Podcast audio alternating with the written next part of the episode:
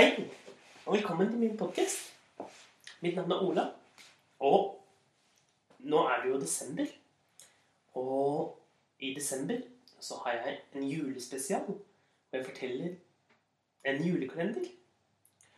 Og i dag så er det jo 9. desember. Og jeg tenker vi kan starte med å tenne et lys i dag også. Her er det med dompapen, vet du. Dompaplyset vårt. Skal vi se.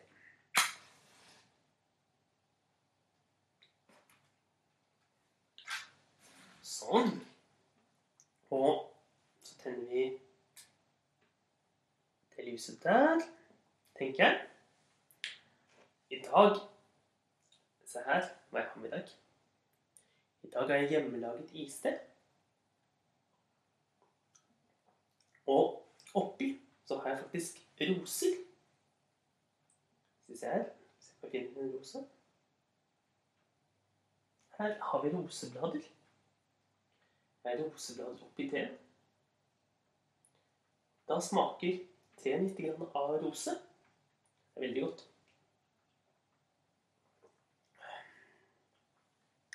Og i dag skal vi fortsette vår fortelling om julenissen.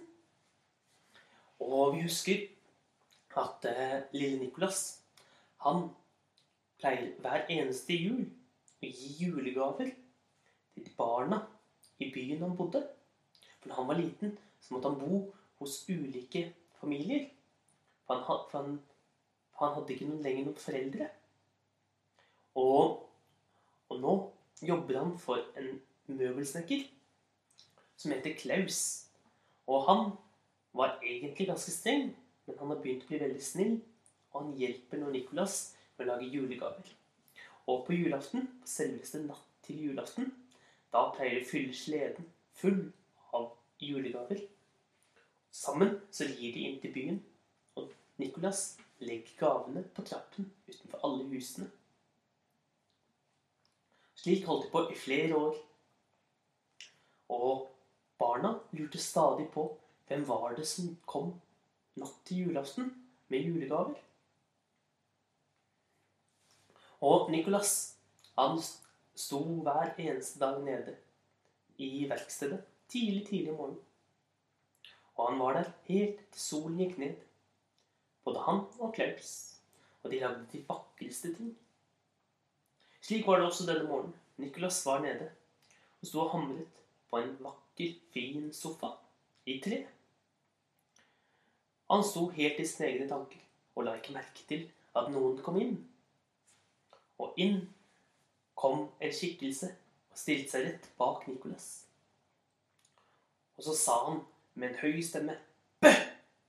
Og Nikolas skvatt til så veldig. Han skvatt slik at han mistet alt han hadde i hendene, og det føk opp været. Og hammeren og meiselet landet rett i gulvet og ble stående rett ned. Du må ikke skremme meg sånn, ropte, ropte Nicholas og snudde seg. Å, er det deg, Dasher? Deg har jeg ikke sett på lenge. Hvordan går det med deg? Det var Nicolas' beste venn, Dasher. Det var jo hos Dasher Nicolas bodde all, det aller første året. Å, det går bra, sa Dasher. Og han, som Nicolas, hadde nå blitt en voksen mann. Og Dasher sa, jeg kommer med en nyhet. Jeg skal nemlig gifte meg. Skal du gifte deg? sa Nicholas. For en fantastisk nyhet. Med hvem? Å, du vet, du vet jo hvem, sa, sa Dasher. Jeg skal jo gifte meg med Nora. Og hun som jeg møtte i en annen by, vet du. Og Nicholas begynte å tenke. I en annen by? Ja, der er det mange, mange mennesker. Og mange, mange barn. Og ryktet om, om eh, gavene du deler ut, har til og med kommet til nabobyen. Nabobyen, masse gaver, nye unger. Nicholas tenkte og tenkte. De må jo få gaver, de òg. Nå har jeg jo bare vært egoistisk og gitt gaver til den byen, landsbyen der jeg vokste opp. Jeg må selvfølgelig gi til nabolandsbyen også. Det skal jeg sette i gang med med en eneste gang, og lage gaver til dem. Og Nicholas begynte å finne fram tre stykker og begynte å tenke hvordan han skulle få lagd gaver til alle barna i byen ved siden av. Men Dasher sa Du, Nicholas, Nå, nå ser jeg at du ble veldig glad, men jeg vil at du skal fokusere litt her nå. Fordi jeg skal nemlig gifte meg.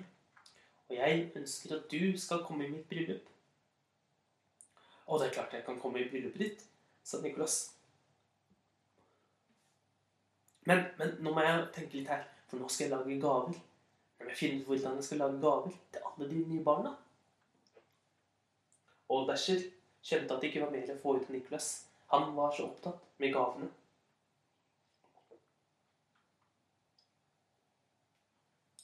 Men da kommer du i bryllupet til meg og Nora. Ja da, det gjør jeg, vet du, sa Nicholas. Og noen dager senere så var det bryllup. Det var et praktfullt bryllup. Nora hadde på seg fin, lysblå og hvit kjole. Og rett som de var der under bryllupet, plutselig så kom hesten til Klaus ridende tilbake.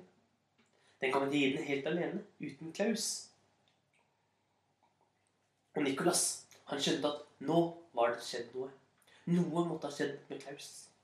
Og han skyndte seg å si til Nora og til Dasher at noe hadde skjedd hjemme. Han måtte skynde seg og se hva som hadde skjedd med Klaus. Men han takket dem for det vakre bryllupet og ønsket dem all lykke til. Så satte han seg på, på hesten og red det forteste de kunne tilbake til huset, til verkstedet.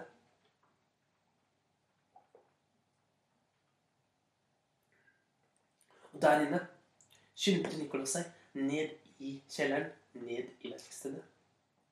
Der hørte han Klaus rope om hjelp. Hjelp! Hjelp! ropte han.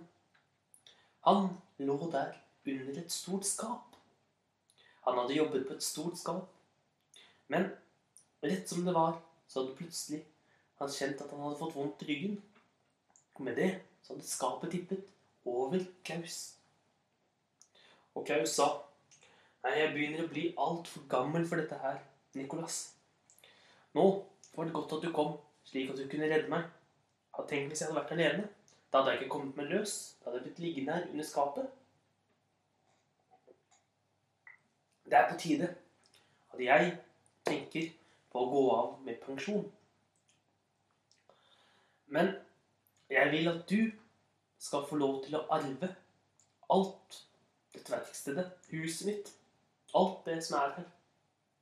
I tillegg så har jeg masse, masse sølv og gull som jeg sparte opp fra alle årene. Jeg har aldri brukt mye penger. Men jeg vil at du Ja, det vet vel du også, men jeg vil at du skal bruke pengene på å lage flere julegaver. For det er det du virkelig liker aller best. Nå har du nok penger så du aldri i hele ditt liv trenger å jobbe og selge møbler lenger. Da kan du bare lage leker hele året hvis du vil. Å, tusen, tusen takk, sa Nicholas. Men, men hva skal du gjøre? Å, sa Klaus. Jeg har tenkt lenge. Jeg tror det er på tide at jeg drar og finner min datter. For, som du vet, jeg har ikke snakket med henne på over 40 år nå. Nei, det er virkelig på tide at jeg må ta kontakt med henne. Må bruke de siste dagene mine med å være med min datter. For jeg har ikke sett Nina på lang, lang tid. Og for ikke så lenge siden så fikk jeg faktisk et brev fra henne hvor hun spurte hvordan det gikk. Og jeg bestemte meg for å reise og bo der. Og Nicolas Klaus ga hverandre den største klemmen de kunne, og sa farvel til hverandre. Og hva som skjer videre, det skal vi føre i neste episode av fortellingen om julenissen.